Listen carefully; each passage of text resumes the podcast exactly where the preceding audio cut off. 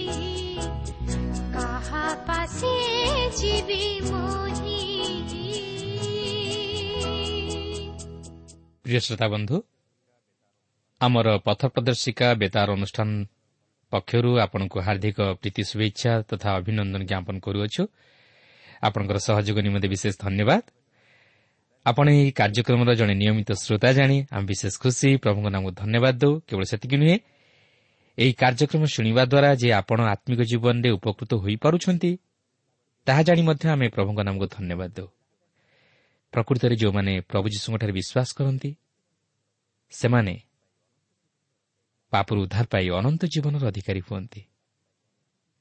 ତାହେଲେ ଆସନ୍ତୁ ପ୍ରଭୁ ଆଜି ତାଙ୍କର ବାକ୍ୟ ମଧ୍ୟ ଦେଇ ଆମମାନଙ୍କୁ ଯେଉଁ ଶିକ୍ଷା ଦେବା ପାଇଁ ଯାଉଅଛନ୍ତି ତାହା ମନୋଯୋଗର ସହିତ ଶୁଣିବା ସଙ୍ଗେ ସଙ୍ଗେ ସେହି ଶିକ୍ଷାକୁ ନିଜ ନିଜର ଜୀବନରେ କାର୍ଯ୍ୟକାରୀ କରିବା ନିମନ୍ତେ ଚେଷ୍ଟା କରିବା। ତାହେଲେ ପ୍ରଭୁ ଆମମାନଙ୍କୁ ଆଶୀର୍ବାଦ କରିବେ ଓ ଆମମାନେ ମଧ୍ୟ ଆତ୍ମିକ ଜୀବନରେ ଦିନ ପ୍ରତିଦିନ ବର୍ଦ୍ଧିଷ୍ଣୁ ହୋଇପାରିବା। ଆସନ୍ତୁ ପ୍ରଭୁଙ୍କର ବାକ୍ୟ ମଧ୍ୟକୁ ଯିବା ପୂର୍ବରୁ ସଂକ୍ଷେପରେ ପ୍ରାର୍ଥନା କରିବା। ପବିତ୍ର ପ୍ରଭୁ ତୁମର ପବିତ୍ର ନାମର ଧନ୍ୟବାଦ କରୁଅଛୁ ତୁମର ଜୀବନ୍ତ ବାକ୍ୟ ପାଇଁ ଏହି ସୁବର୍ଣ୍ଣ ସୁଯୋଗ ପାଇଁ। ହଁ ପ୍ରଭୁ ଆଜି ଅନେକ ଏହି ସୁଯୋଗରୁ ବଞ୍ଚିତ। ମାତ୍ର ପ୍ରଭୁ ତୁମେ ଚାହୁଁନାହିଁ ଆମମାନେ ବିନଷ୍ଟ ହେଉ। ସେଥିପାଇଁ ପ୍ରଭୁ ତୁମେ ଆମମାନଙ୍କୁ ଉଦ୍ଧାର କରିବା ନିମନ୍ତେ ସୁଯୋଗ ଉପରେ ସୁଯୋଗ ଦେଉଛ ତୁମର ବାକ୍ୟ ମଧ୍ୟ ଦେଇ ତୁମର ସ୍ୱର ଶୁଣିବା ପାଇଁ। ପ୍ରଭୁ ତୁମେ ଆମମାନଙ୍କୁ ଏକ ସରଳ ହୃଦୟ ଦାନ କର ଏବଂ ଆମମାନଙ୍କର ଆତ୍ମିକ କର୍ଣ୍ଣକୁ ତୁମେ ଖୋଲିଦିଅ ଯେପରି ଆମେ ସରଳ ବିଶ୍ୱାସରେ ତୁମର ବାକ୍ୟକୁ ଗ୍ରହଣ କରିବା ସଙ୍ଗେ ସଙ୍ଗେ ସେହି ବାକ୍ୟ ଅନୁଯାୟୀ ଜୀବନଯାପନ କରିବାକୁ ସମର୍ଥ ହୋଇପାରୁ ସେଥିପାଇଁ ପ୍ରଭୁ ଆମମାନଙ୍କୁ ଶକ୍ତି ଦିଅ। ତୁମର ଇଚ୍ଛା ତୁମର ଅଭିମତ ପ୍ରଭୁ ତୁମେ ଆମମାନଙ୍କ ଜୀବନରେ ସଫଳ କର। ଏହି ସମସ୍ତ ପ୍ରାର୍ଥନା ଆମମାନଙ୍କର ଉଦ୍ଧାରକର୍ତ୍ତା ଜୀବିତ ପୁନରୁଦ୍ଧିତ ପ୍ରିୟ ପ୍ରଭୁ ଯୀଶୁଙ୍କ ନାମରେ ଏହି ଅଳ୍ପ ଭିକ୍ଷା ମାଗୁଅଛୁ।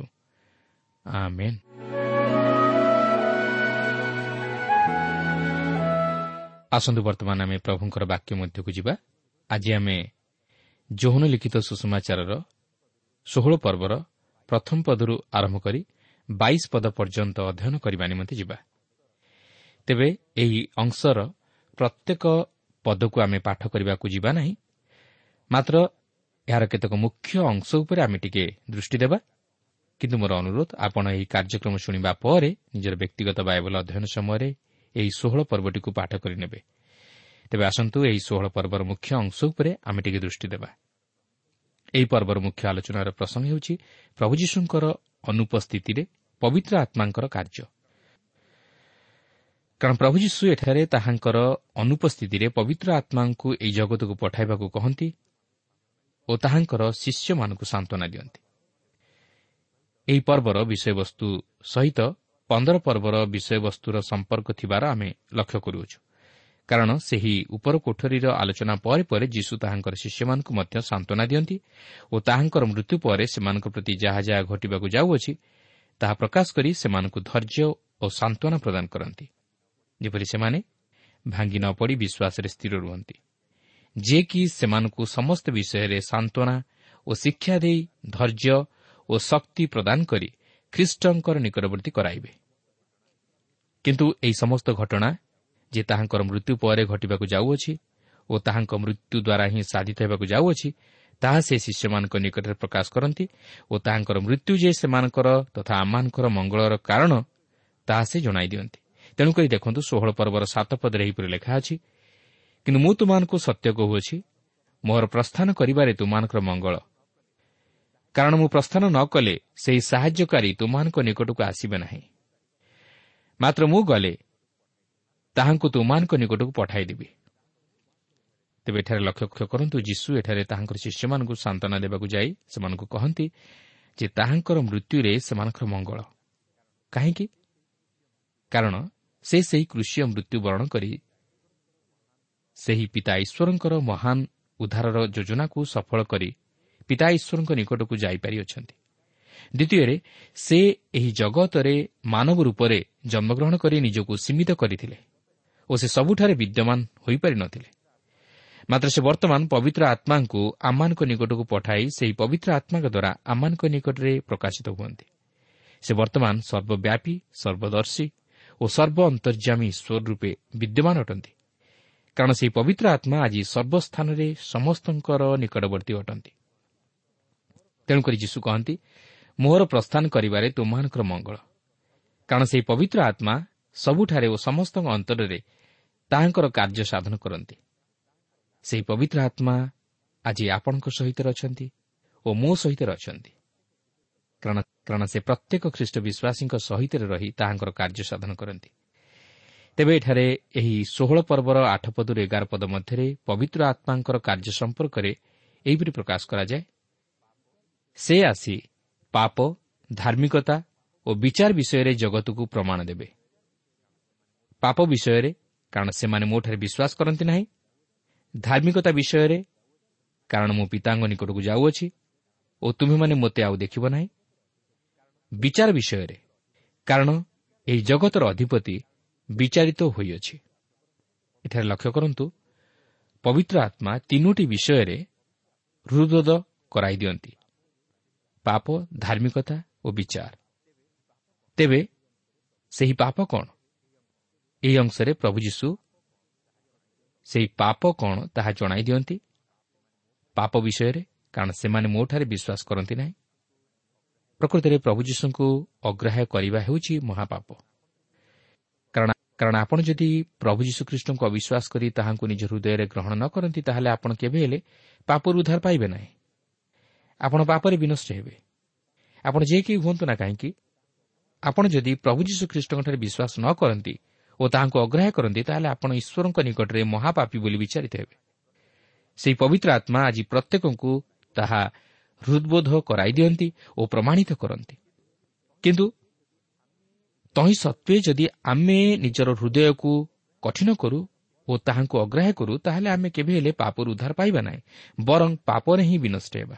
ତେଣୁ ଆଜି ଆମେ ଯେତେଜଣ ପ୍ରଭୁ ଯୀଶୁଙ୍କର ସୁଷମାଚାର ଶୁଣୁଅଛୁ ଆମେ ପ୍ରତ୍ୟେକ ପ୍ରଭୁ ଯୀଶୁ ଖ୍ରୀଷ୍ଟଙ୍କଠାରେ ବିଶ୍ୱାସ କରି ମନ ମଧ୍ୟରେ ତାହାଙ୍କ ନିମନ୍ତେ ଏକ ସିଦ୍ଧାନ୍ତ ନେବା ଉଚିତ। କାରଣ ଖ୍ରୀଷ୍ଟଙ୍କୁ ଅଗ୍ରାହ୍ୟ କରିବା ହେଉଛି ପାପ। କାରଣ ସେହି ପବିତ୍ର ଆତ୍ମା ଆଜି ଆପଣଙ୍କ ହୃଦୟରେ ଓ ମୋ ହୃଦୟରେ ଅନେକ ଘଟଣା ମଧ୍ୟ ଦେଇ ଆମକୁ ହୃଦ୍ବୋଧ କରାଇ ଦିଅନ୍ତି ଯେପରି ଆମେ ଏକ ସିଦ୍ଧାନ୍ତରେ ଉପନୀତ ହେଉ ଓ ଖ୍ରୀଷ୍ଟଙ୍କଠାରେ ବିଶ୍ୱାସ କରି ପାପରୁ ଉଦ୍ଧାର ପାଉ। କିନ୍ତୁ ଆମେ ଯଦି ଜାଣି ଜାଣି ତାହା ଉପେକ୍ଷା କରୁ ତାହେଲେ ଆମେ ଖ୍ରୀଷ୍ଟଙ୍କଠାରେ ବିଶ୍ୱାସ କରିପାରିବା ନାହିଁ ଯଦ୍ୱାରା ଆମେ ପାପି ବୋଲି ଈଶ୍ୱରଙ୍କ ନିକଟରେ ଗଣିତ ହେବା କାରଣ ଖ୍ରୀଷ୍ଟଙ୍କଠାରେ ବିଶ୍ୱାସ କରିବା ଦ୍ୱାରା ପାପି ପାପରୁ ଉଦ୍ଧାର ପାଇଥାଏ ଏହାପରେ ଦେଖନ୍ତୁ ଧାର୍ମିକତା ବିଷୟରେ ତେବେ ସେହି ଧାର୍ମିକତା ବିଷୟ ନେଇ ପ୍ରଭୁ ଯୀଶୁ ଏହିପରି କହନ୍ତି ଧାର୍ମିକତା ବିଷୟରେ କାରଣ ମୁଁ ପିତାଙ୍କ ନିକଟକୁ ଯାଉଅଛି ଓ ତୁମେମାନେ ମୋତେ ଆଉ ଦେଖିବ ନାହିଁ ଲକ୍ଷ୍ୟ ପରୀକ୍ଷା କରିବେ ପ୍ରଭୁ ଯୀଶୁ ଏଠାରେ ଏହିପରି କହିବାର ଅର୍ଥ ହେଉଛି ଯେ ସେ ପିତାଙ୍କର ଅଭିମତ ଅନୁଯାୟୀ ସମସ୍ତ କାର୍ଯ୍ୟ ସମାପ୍ତ କରିଥିବାରୁ ପିତା ଈଶ୍ୱରଙ୍କ ନିକଟକୁ ଫେରିଗଲେ। ତେବେ ସେହି ଧାର୍ମିକତା କ'ଣ? ତାହା ହେଉଛି ଯେ ସେ ଆମ୍ଭମାନଙ୍କର ପାପ ନିମନ୍ତେ ମୃତ୍ୟୁ ଭୋଗ କଲେ ଓ ଆମ୍ଭମାନଙ୍କର ଧାର୍ମିକତା ନିମନ୍ତେ ମୃତ୍ୟୁରୁ ପୁନରୁଦ୍ଧିତ ହୋଇ ପିତାଙ୍କ ନିକଟକୁ ଗଲେ ଓ ସେ ଆଜି ମଧ୍ୟ ଆମମାନଙ୍କର ଉଦ୍ଧାର ନିମନ୍ତେ ପିତା ଈଶ୍ୱରଙ୍କଠାରେ ନିତ୍ୟ ନିବେଦନ କରନ୍ତି। ଯେପରି ଆମେ ଖ୍ରୀଷ୍ଟଙ୍କଠାରେ ବିଶ୍ୱାସ କରିବା ଦ୍ୱାରା ପାପରୁ ଉଦ୍ଧାର ପାଇ ତାହାଙ୍କ ଧାର୍ମିକତା ଦ୍ୱାରା ଧାର୍ମିକ ବୋଲି ଗଣିତ ହେଉ। କାରଣ ସେ ଆମମାନଙ୍କ ନିମନ୍ତେ ସେହି ଧାର୍ମିକତା ସାଧନ କରିଅଛନ୍ତି। ସେଥିପାଇଁ ରୋମିଓ ଚାରିପର୍ବର ପଚିଶ ପଦରେ ଏହିପରି ଲେଖା ଅଛି ସେହି ଯୀଶୁ ଆମ୍ଭମାନଙ୍କ ଅପରାଧ ନିମନ୍ତେ ସମର୍ପିତ ହେଲେ ପୁଣି ଆମ୍ଭେମାନେ ଧାର୍ମିକ ଗଣିତ ହେବା ନିମନ୍ତେ ଉତ୍ଥାପିତ ହେଲେ।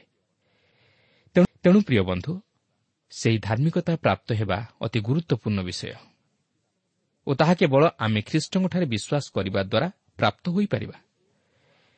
କାରଣ ସେ ଯେ କେବଳ ଆମକୁ ପାପରୁ ଉଦ୍ଧାର କରିବା ପାଇଁ କୃଷି ମୃତ୍ୟୁବରଣ କଲେ ତାହା ନୁହେଁ।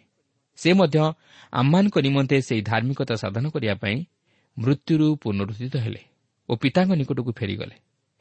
ତେଣୁ ଆଜି ଯଦି ଆମେ ଈଶ୍ୱରଙ୍କ ନିକଟରେ ଧାର୍ମିକ ବୋଲି ଗଣିତ ହେବାକୁ ଚାହୁଁ ତାହେଲେ ନିଜର ଧର୍ମକର୍ମ ଦ୍ୱାରା ନୁହେଁ ମାତ୍ର ଖ୍ରୀଷ୍ଟଙ୍କଠାରେ ବିଶ୍ୱାସ କରିବା ହେତୁ।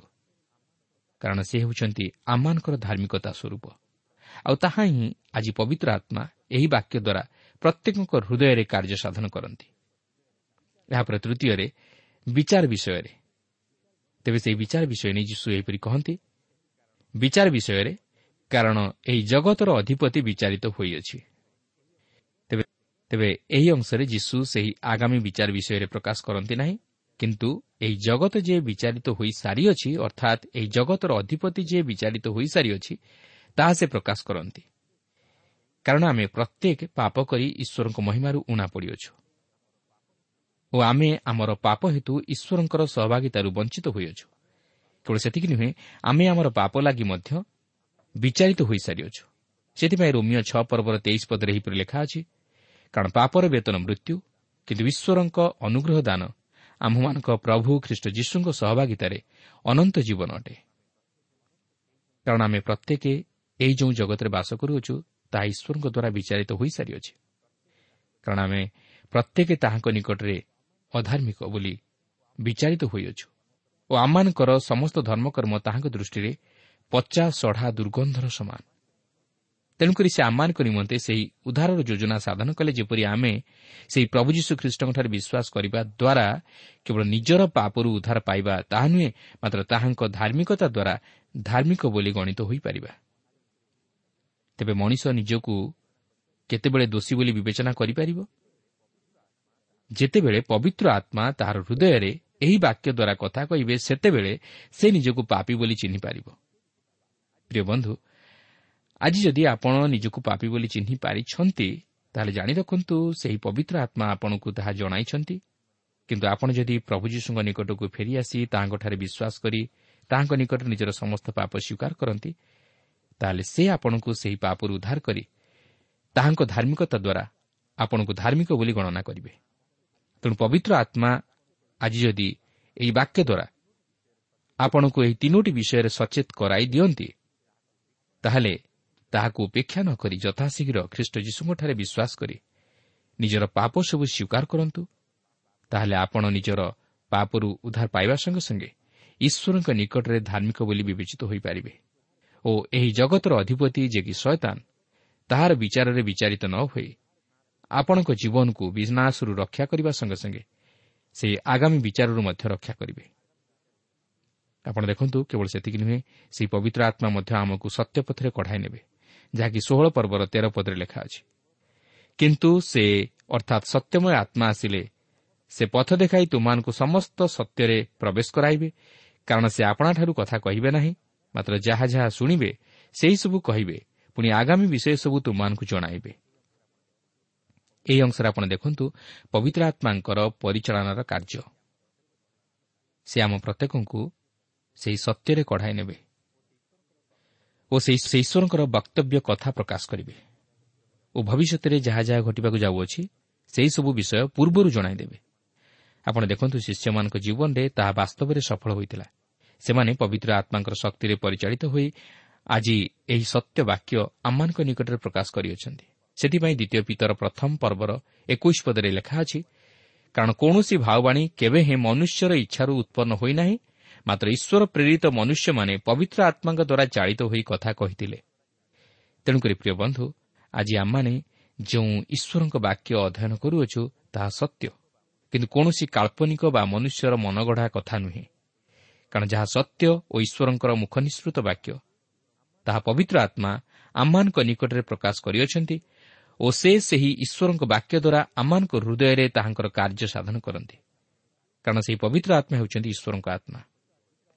ଆପଣ ଦେଖନ୍ତୁ କେବଳ ସେତିକି ନୁହେଁ ସେହି ପବିତ୍ର ଆତ୍ମା ମଧ୍ୟ ପ୍ରଭୁ ଯୀଶୁଙ୍କ ବିଷୟରେ ଆମମାନଙ୍କ ନିକଟରେ ପ୍ରକାଶ କରନ୍ତି।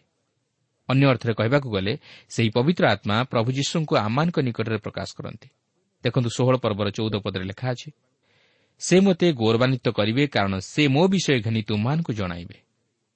ବାସ୍ତବରେ ଆପଣ ଯଦି ଆଜି ପ୍ରଭୁ ଯୀଶୁଙ୍କର ପରିଚୟ ପାଇଅଛନ୍ତି ବା ତାହାଙ୍କ ବିଷୟରେ ଜାଣିବା ନିମନ୍ତେ ଆଗ୍ରହୀ ଅଟନ୍ତି ତାହେଲେ ଜାଣି ରଖନ୍ତୁ ପବିତ୍ର ଆତ୍ମା ଆପଣଙ୍କ ହୃଦୟରେ ସେହିପରି ଭାବ ଦେଇଅଛନ୍ତି ଓ ଆପଣ ଯଦି ବାସ୍ତବରେ ବିଶ୍ୱାସର ସହିତ ଆଗ ବଢ଼ନ୍ତି ତାହେଲେ ସେହି ପବିତ୍ର ଆତ୍ମା ଆପଣଙ୍କୁ ଯୀଶୁଙ୍କର ବାସ୍ତବ ପରିଚୟ ଦେବେ ଓ ସେ ଆପଣଙ୍କୁ ଏହି ବାକ୍ୟ ଦ୍ୱାରା ଅଧିକରୁ ଅଧିକ ଯୀଶୁଙ୍କର ନିକଟବର୍ତ୍ତୀ କରାଇବେ ଯଦ୍ୱାରା ଆପଣ ପ୍ରଭୁ ଯୀଶୁଙ୍କର ବାସ୍ତବ ପରିଚୟ ପାଇପାରିବେ। ତେଣୁ ବର୍ତ୍ତମାନ ହେଉଛି ପବିତ୍ର ଆତ୍ମାଙ୍କର ଯୁଗ। ପବିତ୍ର ଆତ୍ମାଙ୍କର ସହାୟତା ବିନା ଆପଣ କେବେ ହେଲେ ସତ୍ୟ ଈଶ୍ୱରଙ୍କର ପରିଚୟ ପାଇପାରିବେ ନାହିଁ।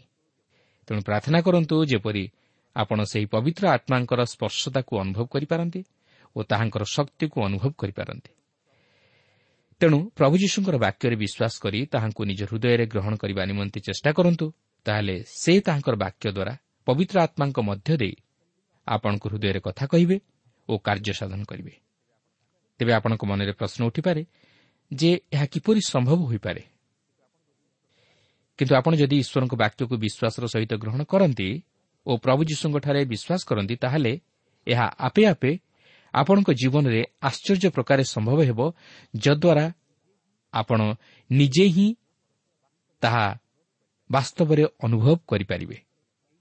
କାରଣ ଏହି ସବୁ କିଛି ଆପଣଙ୍କ ବିଶ୍ୱାସ ଉପରେ ନିର୍ଭର କରେ। ଆପଣ ଯେତେବେଳେ ଏହି ବାକ୍ୟ ଉପରେ ବିଶ୍ୱାସ କରି ତାହାକୁ ନିଜ ହୃଦୟରେ ଗ୍ରହଣ କରିବେ ସେତେବେଳେ ପବିତ୍ର ଆତ୍ମା ସେହି ବାକ୍ୟ ମାଧ୍ୟମରେ ଆପଣଙ୍କ ହୃଦୟରେ ତାହାଙ୍କର କାର୍ଯ୍ୟ ସାଧନ କରିବେ। ଯଦ୍ୱାରା ଆପଣଙ୍କର ବିଶ୍ୱାସ ଓ ଭକ୍ତି ସେହି ପ୍ରଭୁ ଯୀଶୁଙ୍କ ଆଡ଼କୁ ଆପେ ଆପେ ଟାଣି ହୋଇଯିବ ଯାହାକି ଆପଣ ନିଜେ ନିଜକୁ ସମ୍ଭାଳି ହୋଇ ରହିପାରିବେ ନାହିଁ। ଆଉ ତାହା ହିଁ ହେଉଛି ପବିତ୍ର ଆତ୍ମାଙ୍କ ଶକ୍ତିର କାର୍ଯ୍ୟ। ଏହାପରେ ସେ ଶିଷ୍ୟମାନଙ୍କୁ ଆଉ ଏକ ବିଷୟ କହି ସେମାନଙ୍କ ମନରେ ସାନ୍ତ୍ୱନା ଦେବା ପାଇଁ ଚାହୁଁଛନ୍ତି। ମାତ୍ର ସେମାନେ ସେହି କଥାର ଭାବ ବୁଝିପାରୁନାହାନ୍ତି। ତେବେ କଥାଟି ହେଉଛି ଏହି ପ୍ରକାର ଯାହାକି ଷୋହଳ ପର୍ବର ଷୋହଳ ପଦରେ ଲେଖା ଅଛି। ଅଳ୍ପ ମାତ୍ର ସମୟ ରହିଲା ତୁମେମାନେ ମୋତେ ଆଉ ଦେଖିବ ନାହିଁ। ପୁନର୍ବାର ଅଳ୍ପ ସମୟ ଉତ୍ତାରେ ତୁମେମାନେ ମୋତେ ଦେଖିବ। ତେବେ ପ୍ରଭୁ ଯୀଶୁଙ୍କର ଏପରି କଥାରେ ଶିଷ୍ୟମାନେ ଦ୍ୱନ୍ଦ୍ୱରେ ପଡ଼ିଯାଇଛନ୍ତି। ସେମାନେ ଏହି କଥାର ଭାବକୁ ବୁଝିପାରୁନାହାନ୍ତି ଯାହାକି ଆପଣ ଅଠର ଓ ଉଣେଇଶ ପଦରେ ଦେଖିବାକୁ ପାରିବେ। କିନ୍ତୁ ତାହା ଆମେ ବର୍ତ୍ତମାନ ପାଠ କରିବାକୁ ଯିବା ନାହିଁ। କିନ୍ତୁ ଏଠାରେ ଆମେ ଦେଖିବାକୁ ପାରୁଛୁ ଯେ ସେ ତାହାଙ୍କର ଶିଷ୍ୟମାନଙ୍କୁ ସାନ୍ତ୍ୱନା ଦେବାକୁ ଯାଇ କୋଡ଼ିଏରୁ ବାଇଶ ପଦ ମଧ୍ୟରେ ଏକ ସ୍ତ୍ରୀର ସନ୍ତାନ ପ୍ରସବ କରିବା ସମୟରେ ଯେଉଁ କଷ୍ଟ ଓ ସେହି ସନ୍ତାନ ପ୍ରସବ କରିବା ପରେ ତାହାର ମନରେ ଯେଉଁ ଆନନ୍ଦ ତାହାକୁ ଉଦାହରଣ ଛଳରେ କହି ସେ ସେମାନଙ୍କୁ ସାନ୍ତ୍ୱନା ଦେଉଛନ୍ତି। ସେଥିପାଇଁ ବାଇଶ ପଦରେ ସେ ଏହିପରି କହନ୍ତି ସେହିପରି ତୁମ୍ଭେମାନେ ବର୍ତ୍ତମାନ ଦୁଃଖ ପାଉଅଛ। କିନ୍ତୁ ମୁଁ ପୁନର୍ବାର ତୁମମାନଙ୍କୁ ଦର୍ଶନ ଦେବି। ଆଉ ତୁମମାନଙ୍କ ହୃଦୟ ଆନନ୍ଦିତ ହେବ ଓ କେହି ତୁମମାନଙ୍କଠାରୁ ତୁମମାନଙ୍କର ଆନନ୍ଦ ହରଣ କରିବ ନାହିଁ। ଏଠାରେ ଯୀଶୁ ସେହି କଥାର ଭାବକୁ ସ୍ପଷ୍ଟ କରିଦିଅନ୍ତି ଓ ସେମାନଙ୍କୁ ଉତ୍ସାହ ପ୍ରଦାନ କରନ୍ତି। ଅର୍ଥାତ୍ ସେ କହିବାକୁ ଚାହାନ୍ତି ଯେ ଯଦିଓ ସେ ସେହି କୃଷି ମୃତ୍ୟୁଭୋଗ କରି ଅଳ୍ପ ସମୟ ସେମାନଙ୍କ ମଧ୍ୟରେ ରହିବେ ନାହିଁ। ମାତ୍ର ସେହି ତିନି ଦିନ ଉତ୍ତାରେ ସେ ପୁନର୍ବାର ମୃତ୍ୟୁରୁ ପୁନରୁଦ୍ଧିତ ହୋଇ ସେମାନଙ୍କୁ ଦର୍ଶନ ଦେବେ ଯଦ୍ୱାରା ସେମାନଙ୍କ ହୃଦୟ ତାହାଙ୍କୁ ଦେଖିବା ପରେ ଆନନ୍ଦିତ ହେବ। ଏଠାରେ ପ୍ରଭୁ ଯୀଶୁ ତାଙ୍କର ମୃତ୍ୟୁ ଓ ପୁନରୁତ୍ଥାନ ବିଷୟ ନେଇ ସେମାନଙ୍କ ନିକଟରେ ପ୍ରକାଶ କରନ୍ତି ଯଦ୍ୱାରା ସେମାନେ ନିରାଶ ନ ହୋଇ ତାହାଙ୍କ ଉପରେ ବିଶ୍ୱାସ ରଖନ୍ତି। କାରଣ ସେହି ମୃତ୍ୟୁରୁ ପୁନରୁଦ୍ଧିତ ହେବା ପରେ ସେ ଯେ ସେମାନଙ୍କୁ ପୁନର୍ବାର ଦେଖାଦେବାକୁ ଯାଉଅଛନ୍ତି ତାହା ସେ ପ୍ରକାଶ କରନ୍ତି। କାରଣ ସେ ପିତା ଈଶ୍ୱରଙ୍କ ନିକଟକୁ ଯାଉଥିବାରୁ ସେମାନଙ୍କୁ ପୁନର୍ବାର ଦେଖାଦେଇ ସାନ୍ତ୍ୱନା ଦେବା ପାଇଁ ଯାଉଥିଲେ। କାରଣ ସେ ସେମାନଙ୍କୁ ପ୍ରତିଜ୍ଞା କରି କହନ୍ତି ମୁଁ ତୁମମାନଙ୍କୁ ଅନାଥ କରି ଛାଡ଼ିଯିବି ନାହିଁ ଆଉ ମୁଁ ତୁମମାନଙ୍କ ସହିତରେ ସେହି ପବିତ୍ର ଆତ୍ମାଙ୍କ ରୂପରେ ରହିବି। ଯେଉଁ ପବିତ୍ର ଆତ୍ମା କି ମୋ ବିଷୟରେ ତୁମମାନଙ୍କ ନିକଟରେ ସାକ୍ଷ୍ୟ ଦେବେ ଓ ସେ ତୁମମାନଙ୍କୁ ସତ୍ପଥରେ କଢ଼ାଇ ନେବେ ଓ ସେ ତୁମମାନଙ୍କ ହୃଦୟରେ ତାହାଙ୍କର କାର୍ଯ୍ୟ ସାଧନ କରିବେ। ବାସ୍ତବରେ ପ୍ରିୟ ବନ୍ଧୁ ସେହି ପବିତ୍ର ଆତ୍ମା ଆଜି ଅନେକଙ୍କୁ ପ୍ରଭୁ ଯୀଶୁଖ୍ରୀଷ୍ଟଙ୍କର ନିକଟବର୍ତ୍ତୀ କରାନ୍ତି। ସେ ଆଜି ଆପଣଙ୍କ ହୃଦୟରେ ମଧ୍ୟ କଥା କହିବାକୁ ଚାହାନ୍ତି। ଆଜି ଯେଉଁମାନେ ଖ୍ରୀଷ୍ଟଙ୍କ ନିମନ୍ତେ ଦୁଃଖ କଷ୍ଟ ଓ ସମସ୍ୟା ମଧ୍ୟ ଦେଇ ଗତି କରନ୍ତି ସେମାନଙ୍କୁ ସାନ୍ତ୍ୱନା ଦେଇ ସେମାନଙ୍କର ଦୁଃଖକୁ ଆନନ୍ଦରେ ପରିଣତ କରାନ୍ତି। ଆଉ ତାହା କେବଳ ଜଣେ ବାସ୍ତବ ଖ୍ରୀଷ୍ଟ ବିଶ୍ୱାସୀ ଅନୁଭବ କରିପାରିଥାଏ। ପ୍ରିୟ ବନ୍ଧୁ ଆଜି ଆପଣଙ୍କ ଜୀବନରେ ସେହି ଅନୁଭୂତି ଅଛି କି? ଆଜି ଆପଣ କ'ଣ ଖ୍ରୀଷ୍ଟଙ୍କର ସେହି ବାସ୍ତବ ଶାନ୍ତି ଓ ଆନନ୍ଦକୁ ନିଜ ଜୀବନରେ ଅନୁଭବ କରିପାରିଛନ୍ତି କି? ଯଦି ଆପଣ ସେହିପରି ଅନୁଭୂତି ମଧ୍ୟ ଦେଇ ଆସିନାହାନ୍ତି ତାହେଲେ ଆଜି ଏହି ବାକ୍ୟରେ ବିଶ୍ୱାସ କରି ସେହି ବାକ୍ୟକୁ ନିଜ ହୃଦୟରେ ଗ୍ରହଣ କରି ତଦନୁଯାୟୀ ଜୀବନଯାପନ କରିବା ନିମନ୍ତେ ଚେଷ୍ଟା କରନ୍ତୁ। ତାହେଲେ ସେହି ବାକ୍ୟ ଅନୁଯାୟୀ ପବିତ୍ର ଆତ୍ମା ଆପଣଙ୍କ ହୃଦୟରେ ତାହାଙ୍କର କାର୍ଯ୍ୟ ସାଧନ କରିବେ ଓ ଆପଣ ଖ୍ରୀଷ୍ଟଙ୍କର ବାସ୍ତବ ପରିଚୟ ପାଇପାରିବେ। କାରଣ ସେହି ପ୍ରଭୁ ଯୀଶୁ ଆଜି ମଧ୍ୟ ପବିତ୍ର ଆତ୍ମାଙ୍କ ରୂପରେ ଆମମାନଙ୍କ ସହିତ ଅଛନ୍ତି ଓ ସେ ଆମମାନଙ୍କୁ ତାହାଙ୍କ ବାକ୍ୟ ଦ୍ୱାରା ଶିକ୍ଷା ଓ ଉପଦେଶ ଦେଇ ଆମମାନଙ୍କୁ ତାହାଙ୍କର ନିକଟବର୍ତ୍ତୀ କରାଇବାକୁ ଚାହାନ୍ତି। କିନ୍ତୁ ଆମେ ବିଶ୍ୱାସର ସହିତ ନିଜର ହସ୍ତକୁ ବଢ଼ାଇବା ଉଚିତ ଓ ଆଗ ବଢ଼ିବା ଉଚିତ। ପ୍ରଭୁ ଆମ ପ୍ରତ୍ୟେକଙ୍କୁ ସାହାଯ୍ୟ କରନ୍ତି ଯେପରି ଆମମାନେ ସେହି ପବିତ୍ର ଆତ୍ମାଙ୍କର ଚାଳନାକୁ ନିଜ ଜୀବନରେ ଉପଲବ୍ଧି କରିବା ସଙ୍ଗେ ସଙ୍ଗେ ଖ୍ରୀଷ୍ଟଙ୍କର ଅନୁଗମନ କରି ତାହାଙ୍କର ଇଚ୍ଛା ଓ ଅଭିମତକୁ ସଫଳ କରିବାକୁ ପାରୁ। ପ୍ରଭୁ ପ୍ରତ୍ୟେକଙ୍କୁ ଆଶୀର୍ବାଦ କରନ୍ତୁ।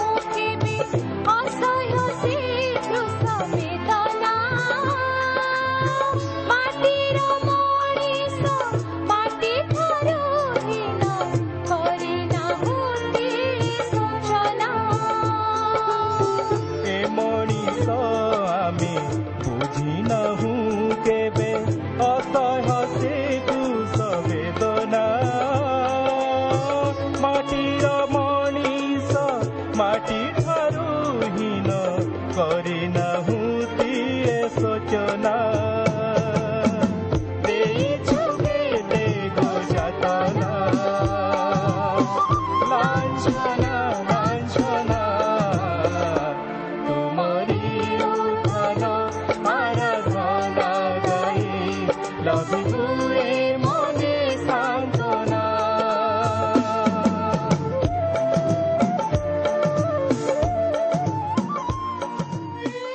প্রিয় শ্রোতা এই কার্যক্রম শুনিবার আপনার অশেষ ধন্যবাদ এই কার্যক্রম আপনার কিপর লাগিলা ও কেউ বিষয়টি আপনার হৃদয়ক অধিক স্পর্শ করেছে তাহা লেখি জনাইলে আমি বিশেষ উপকৃত হব যদি কিছু প্রশ্ন বা সন্দেহ থাকে তাহা পত্র মাধ্যমে অথবা টেলিফোন যোগে আমাকে জনাতু আমার ঠিকনা পথ প্রদর্শিকা Trans World radio India post box number তিন তিন ভুবনেশ্বর সাত পাঁচ এক শূন্য শূন্য এক mobile